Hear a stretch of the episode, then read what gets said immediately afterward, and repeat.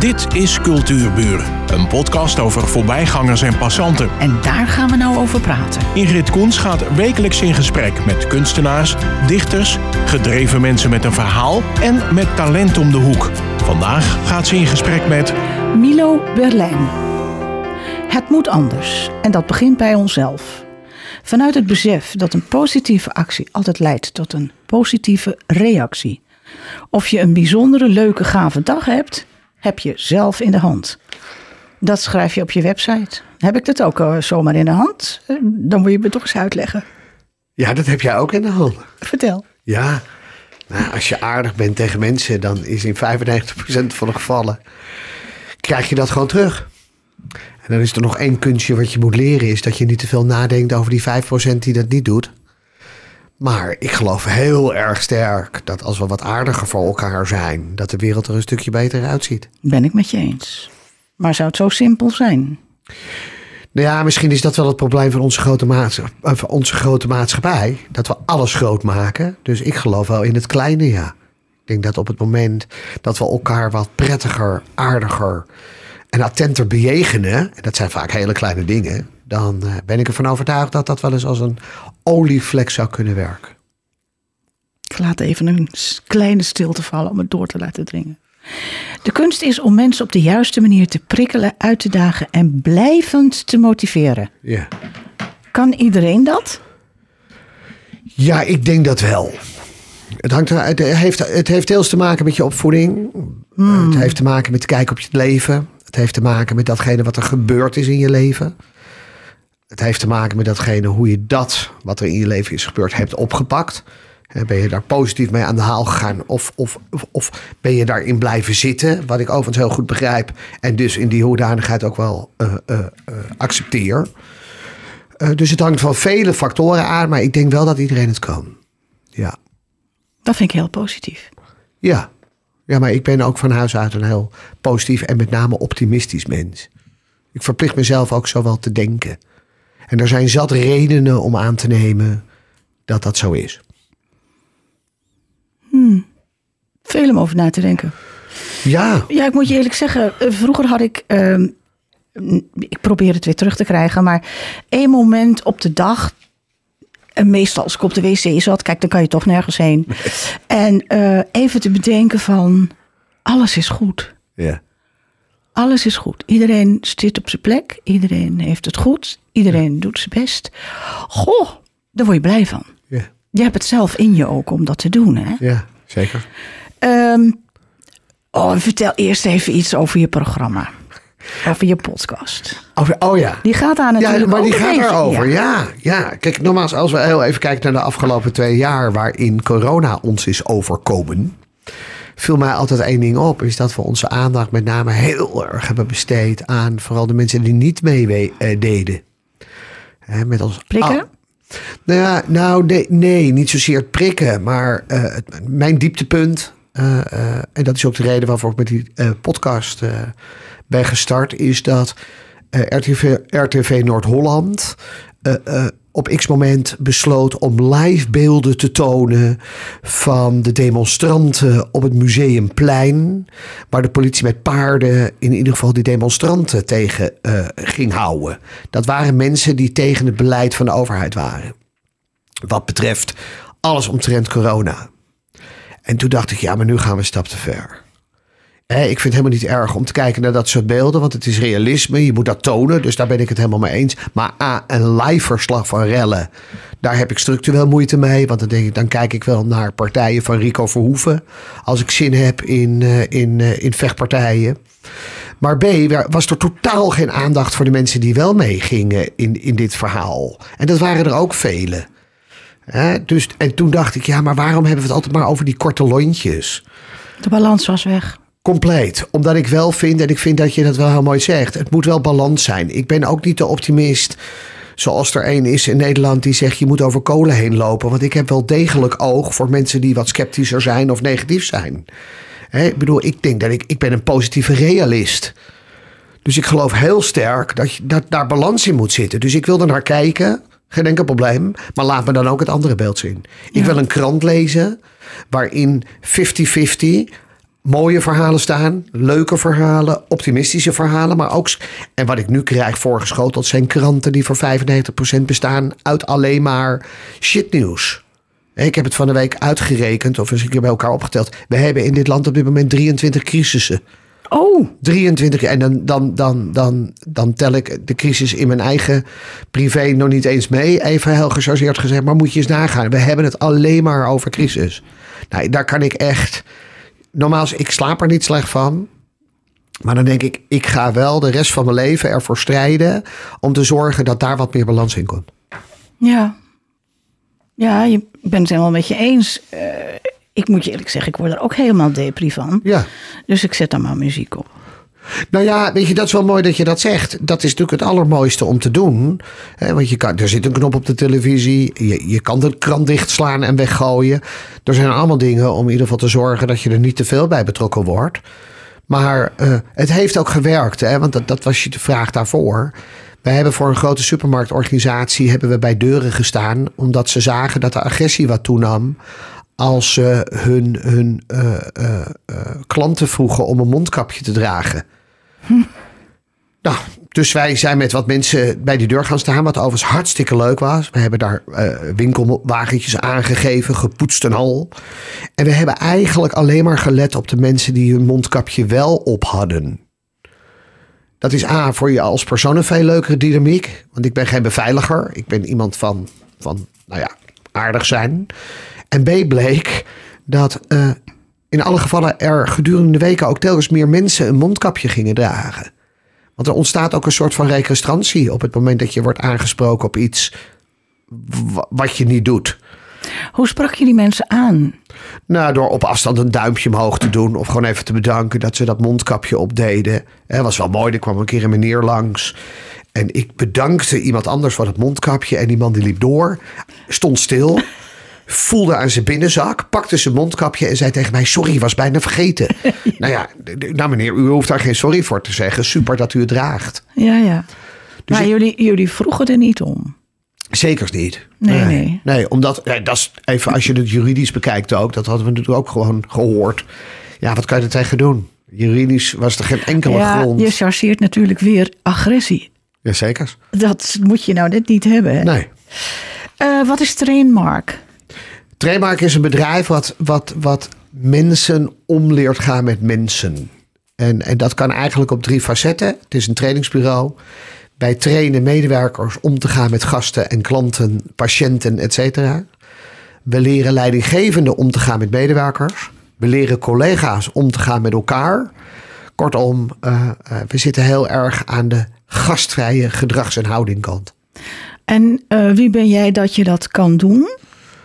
Nou, ik kom Heb je daar een, een opleiding voor? Heb je, eh, ik neem aan, in verdiend? Nou ja, het aardige van het verhaal is dat, dat, dat dit is altijd wel een teerpunt. Ik bedoel, ik ben, eh, als ik het snel vertaal, hier in de regio gestart. Toen ik op mijn twaalfde naar Alkmaar kwam. Op het Jan van Skolrol, HAVO 4. Weer HAVO 4. Toen naar de Bergscholengemeenschap. Omdat de rector vond dat ik niet helemaal op de school paste.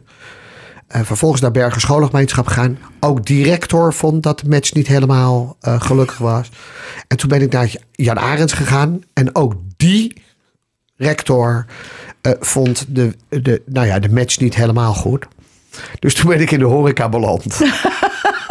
En, want mijn vader, die, die was toen der tijd hoofdredacteur van een blad. Dat heette City hier in Alkmaar. En eh, die had een gesprek gehad met, Klaus, met, eh, met Leo Klaus van Klaus Parthiaus. En die zei, ga daar maar werken, want ik ben het zat. En, eh, dus ik heb carrière kunnen maken in de horeca. En ben al jaren een mensenmens. Ben ook, toen ik jong was, heel ziek geweest. Heb lang in ziekenhuizen gelegen. En, en, en ja, de bejegening van verpleegkundigen integreerde me. Dus ik, ik ben altijd heel erg into mensen geweest. Kon goed praten. Deed dat ook wel op een hele andere manier.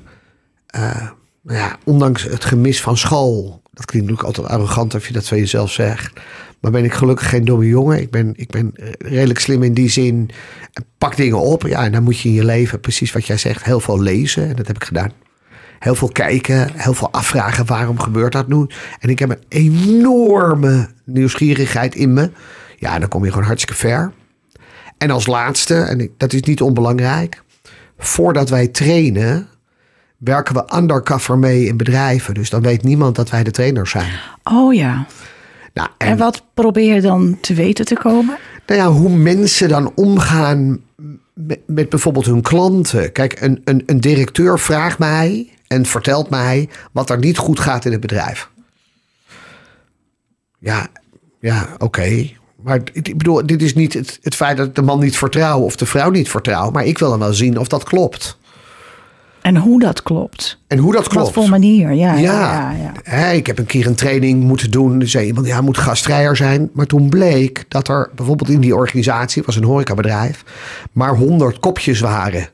Terwijl ze per dag 500 koppen koffie deden.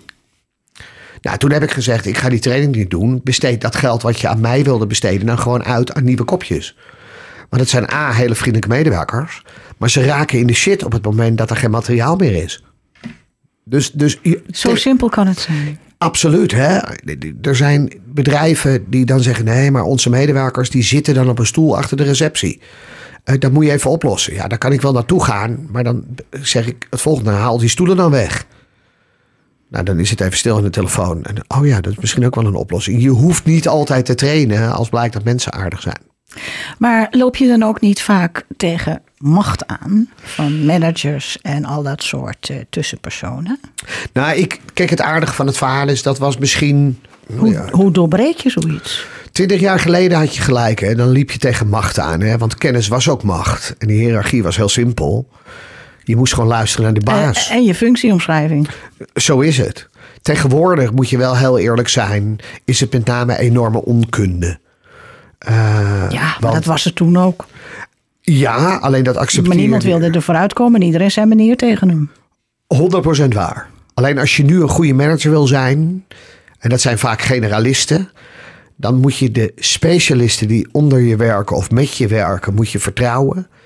En omarm dat zij het beter weten dan jij. Omarm dat. En inspireer ze en motiveer ze. En geef ze met name waardering. Nou, en dat is iets wat niet altijd hè, heel veel mensen kunnen. Maar wat, wat doe je daar dan mee? Zitten die ook in zo'n eh, eh, training? Die zitten in zo'n training. Wel ja, zeker. ook? Ja, zeker. En dat is ook wel aardig. Als ik dan een dag heb meegewerkt, dan waren dat mijn leidinggevenden. Dus Oh, dat is natuurlijk wel bijzonder. Dus dan gaan we starten en dan schrikken ze zich helemaal kapot. Maar ik ben wel zo integer om dat niet te misbruiken. Eh, behalve als zij hele rare opmerkingen gaan maken. Dan wil ik dat nog wel eens. Eh, Ik had twintig jaar geleden een keer een training voor een groot hotel. En toen op een gegeven moment zei iemand tegen mij. Die zei, ja maar Milo, die uitzendkrachten die kunnen niks.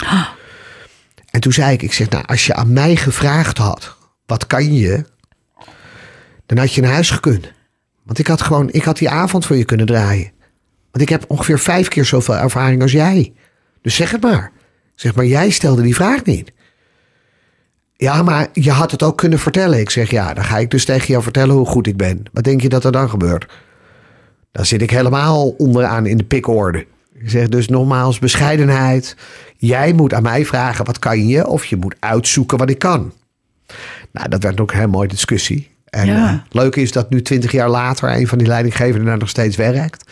En zij vragen op de dag van vandaag nog steeds aan iedere nieuwe medewerker, wat kan je? Ja, ze zijn als de dood dat er weer een jojo binnenkomt zoals ik. Dus dat is wel Je leuk. hebt geschiedenis gemaakt. Ja, zo is het, zo is het, zo is het. Zo is het. Ehm, ik vond ook deze uitspraak van jou. Stop met het gekunstelde gedrag. Houd niet krampachtig vast aan hoe het hoort. Maar wees open en spontaan. Doe maar normaal, dan doe je al gastvrij genoeg. Ja. Is dat zo? Nou ja, het, het- het- het zijn, het zijn twee, het zijn, het zijn twee eh, discussies. A, ik geloof heel erg in spontaan gedrag, want daar komen de beste dingen uit. Eh, ik, ik vertel dit vaak op trainingen, maar ik had een paar, paar maanden geleden een meisje. Die kwam naar mij toe met een schaal met hapjes. En die zei, wilt u een hapje meneer? En toen zei ik, ja graag. Eh, En ik, toen wees ik een hapje aan. Ik zeg, wat is dat? En dat meisje, dat schrok zich helemaal kapot. Dus die had dat, die had dat niet gevraagd bij de, bij de keuken. Maar dit was wel een wereldmeisje. Want ik, nogmaals, ik stelde de vraag. Ik zei, wat is dat? En na enige seconden keek ze me sch- verschrikt aan en zei... Lekker? Nou ja. Dat is echt mooi. Dat dus. Geweldig. En toen wees ik een ander hapje aan. Ik zeg, en dat? En ze zag mij glimlachen. En toen zei ze, heel lekker. Dus kijk, ik denk dat we Goeie daar... ver- verkoopster. Fantastisch. Ja. En, en wij zitten heel erg in, ja, maar je moet leren wat het is, et cetera. Maar daardoor raakt spontaniteit. Ik ben ook niet bijvoorbeeld iemand die zegt, hey, eh, ik bedoel, twintig jaar geleden wel, maar tijden veranderen, hè, periodes zijn gewoon anders. Eh, dat, je, dat mensen die bijvoorbeeld veel oorbellen hebben, dat die uit moeten. In, toen ik 18 was, hè, moest je zwart pak, wit overhemd, gestreken, meisjes, rode lippenstift, 15 dernier panties, een klein hakje. En vooral hè, alleen twee kleine oorbelletjes. Ja, ik vind dat karakter van tegenwoordig gaaf. Ik, ben, ik durf het niet, maar ik ben altijd heel erg nieuwsgierig als mensen tattoos hebben. Daar vraag ik altijd naar, wat zit daarachter? Eh dus het maakt je ook eigen. En, en wij zijn door alles nou ja, over te procedureren, eh, protocollen toe te voegen, zijn we dat kwijt. En mijn vrouw zit in de verpleging. Die is verschrikkelijk goed aan bed. Alleen ze krijgt niet altijd de kans meer, want haar administratieve werk is met 70% toegenomen. Terwijl daar haar kracht zit. Eh, dus dat is één. Ja. Twee, terugkomen naar wat je zei, doe maar normaal, dat doe je al gasvrij genoeg. Kijk, Nederland roepen wij altijd, doe, norma- doe, doe normaal. Doe Ja. normaal. Hè, een van de grootste en mooiste discussies op dat gebied was tussen Rutte en Wilders. Dat die elkaar verweten, eh, doe normaal. Nou, ik denk dat dat, dat dat best prettig is. Alleen, je moet gewoon één keer in het half jaar even met elkaar discussiëren over wat vinden wij nog normaal. Want normaal verandert wel. Hè? Ik bedoel, eh, nu is het heel normaal om in de personeelskantine met z'n allen met je mobiele telefoontje in je pauze even je Facebook berichten weg, eh, bij te werken. Maar vijf jaar geleden niet normaal. Dus dat normaal verandert. Nou ja, en omdat ik toevallig in de gasvrijheidsindustrie zit, heb ik daar, doe maar normaal, dan doe je al gastvrij genoeg. Maar ik predik heel erg dat leidinggevenden dus één keer een half jaar met de medewerkers gaan zitten. En wat vinden wij normaal? Nou, dat wordt, een dat wordt dan een flink gesprek, denk ik. Zekers. Het is voor iedereen anders tegenwoordig. Zekers. Alleen de overeenkomsten zijn aan de andere kant ook weer heel makkelijk te maken. Ja, dus, ja, dus ja. omdat er onvoldoende over wordt gesproken, denken we dat het dit is.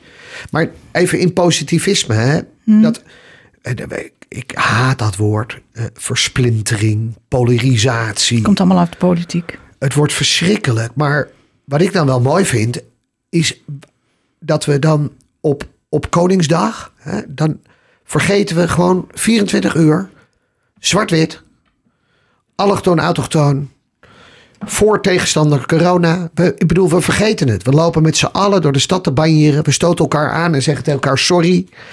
We, we, we hebben aandacht voor elkaar. Dus het zit in ons als mensen Het is een natuurwet. ja, om, om, Ja. Om, om, om daar dan met z'n allen voor te gaan. Dus ik zeg, ik bedoel, even, ik zou de koning bellen om te vragen aan hem waarom niet 300 dagen per jaar Koningsdag. Dan, dan hebben we, dan in één keer lossen we het probleem ja. op. Ja, Want ik, ik vind we dat, weer terug. dat hè, wij gaan nu Tour de France is in één keer weer ook zo'n evenement. ja. Waar ja, we- is zo, ja. Maakt niet uit wat onze achtergrond is. We, oh, heb je gehoord, Jumbo-Visma? Eh, we krijgen de WK voetbal aan het eind van het jaar. Eh, het Grand Prix. En dan kom je, in, kom je smiddags in de supermarkt binnen om een uur of vijf. En dan gaat het... Het maakt niet uit wie je bent. Alleen maar over Max Verstappen. Ja, dus het zit heel erg in ons. Ja. Ja, ik moet je ook eerlijk zeggen, ik geloof eh, niet ehm, om eh, naar, een, naar een demonstratie te gaan met een leeg bord en ter plaatse in te vullen waar ik voor Ja. moet demonstreren. Nee. Ik geloof nog steeds in het goed doen op een vierkante meter. Ja, Hey, pannet, pannetje soep brengen voor de buurman en zo. Dat soort dingen. ja, En, en daar heb ik dan ook voldoening in. ja. Maar ja, het is wel heel klein.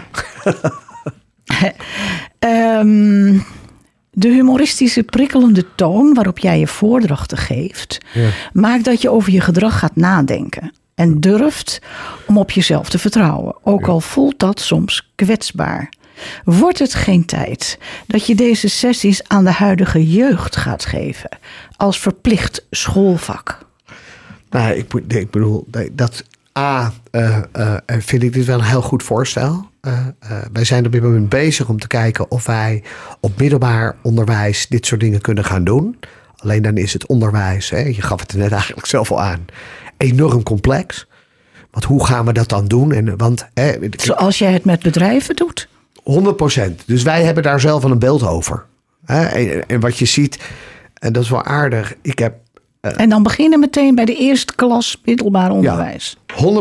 Ja. En het aardige is, want ik geloof namelijk heel simpel dat als je daar begint met gedrag en houding. Hè, kijk, wij zijn volgens mij ook nog wel opgevoed. Wij, tenminste, ik had op mijn rapport gedrag en vlijt staan. Ja, ik ook. Dus, dus dat gaf aan dat het een belangrijke en paragraaf er was. stond er bij mij achter, kom beter. Ja, ja, nou ja. Nou, ik had voor wiskunde een 4, maar ik had voor drag, gedrag had ik wel een vrij hoog cijfer. Maar wat je ziet is dat dat, dat, dat moet weer terug. En wat je nu merkt in de maatschappij is, dan, dan gebeurt er iets op. Hè, even de voice, al die ellende daaromheen. Dan zegt de overheid, we, we huren een bus en daar doen we stickers op en dan gaan we langs de scholen rijden, dat dat belangrijk is. Maar dat doen ze ook met CO2, dat doen ze ook met dit. Dat doen, dus er komen per jaar 18 bussen voorbij rijden. En dan denk ik, laten we nou gewoon zorgen dat we het vak omgangskunde, Ja. weet je even, met Ja. elkaar en hoe je dat dan moet, daar moet een flitsender woord voor komen. Maar als we dat nou eens beginnen te geven op middelbare scholen, dan hoeven we minder bussen te laten rijden. Ja. Maar dan krijgen we ook weer een publiek. Dan krijgen we ook weer mensen Juist, die om elkaar geven. Voor niks. ja. Hè? Niet, niet Nee. omdat ze betaald worden, maar gewoon voor niks. Die Ja. voelen dat ze aan de rand van de bus eh, afgerond staan. Ja. Nou, maar ik ben helemaal met je eens. Ik bedoel, ik ga, er is geen spel tussen te krijgen. De wens is ooit om dat vanaf middelbaar eh, eh, eh, onderwijs gewoon weer te initiëren Ja. en te zorgen dat. Vind ik een hele goeie. Als zijn- je ergens mee kan helpen, geef je een seintje. Geef ik gelijk een seintje. Ja, wij, wij de barricade op. Ja. Wanneer ga je weer het theater in? Begin oktober. Gaan we, we doen de hele maand oktober. Doen we de Pim Theatershow op allerlei plekken in de landen. En weer mensen erger je niet of heeft hij een nieuwe naam? Nee, mensen erger niet gaat ook door, maar dat gaan we vanuit Q1 2023 weer doen. Dit heeft een beetje te maken, dat frustreert natuurlijk, maar eh, de theaterwereld heeft ook enorme last gehad van alle shit rondom corona. En toen dat eenmaal opgeheven was, gingen de big guns, zoals Ja. ik ze noem, gingen weer aan de bak. Omdat die ook geld verloren hadden. En toen zeiden de theaterdirecteuren, nou we willen de big guns, want dan hebben we tenminste garantie dat we vol zitten. En dan ben ik in dit geval nog een hele kleine naam. Die, die uiteindelijk op zijn 55ste heeft besloten om een echte theatershow voor zichzelf te maken. Dus eh, mijn naam is nog niet zo groot dat de zalen helemaal vol zitten, gegarandeerd. Om het maar kleine zalen wel. Ja, Je moet het even een beetje aanpassen. Ja, alleen wat je nu ziet is dat diezelfde directeur zegt, en terecht hoor overigens, nou, die- dan geef ik die kleine zaal het liefst aan iemand van de Kleinkunstacademie. Eh, dus ik, ik vind mijn weg wel, maar ik moet, ik, geduld is een mooi ding. Ja. Eh, ik vind namelijk ook niet erg eh, wanneer het vanaf mijn 60 een succes wordt. Want daarbij toon je gewoon aan dat uiteindelijk. eh, hè, De volhouden wind. Kom op, nog een cliché erin. dat is hem. Dat is hem. Milo, we zijn, we zijn door de tijd heen. Gaat En snel, hè? Noem je website. Eh, www.trainmark.nl. Trainmark. Ja, dus geen trademark, maar train. Bedacht door mijn broertje. Ja. En ehm, het- ik vond het leuk dat je er was. Ik vond het leuk dat ik hier mocht zijn helemaal, helemaal niet uitgepraat. Hè? Nee, maar dan doen we gewoon volgend jaar doen we nog een sessie. Of ik nodig jou uit bij mijn, eh, bij mijn lange lol. Oh, gezellig. Ja, dus dan, eh, dan weten we waar we geëindigd zijn en klaar. Oké. Ja, dankjewel. Dit was Cultuurburen, een podcast van Ingrid Koens en Streekstad Centraal. Bedankt voor de aandacht en tot de volgende Cultuurburen.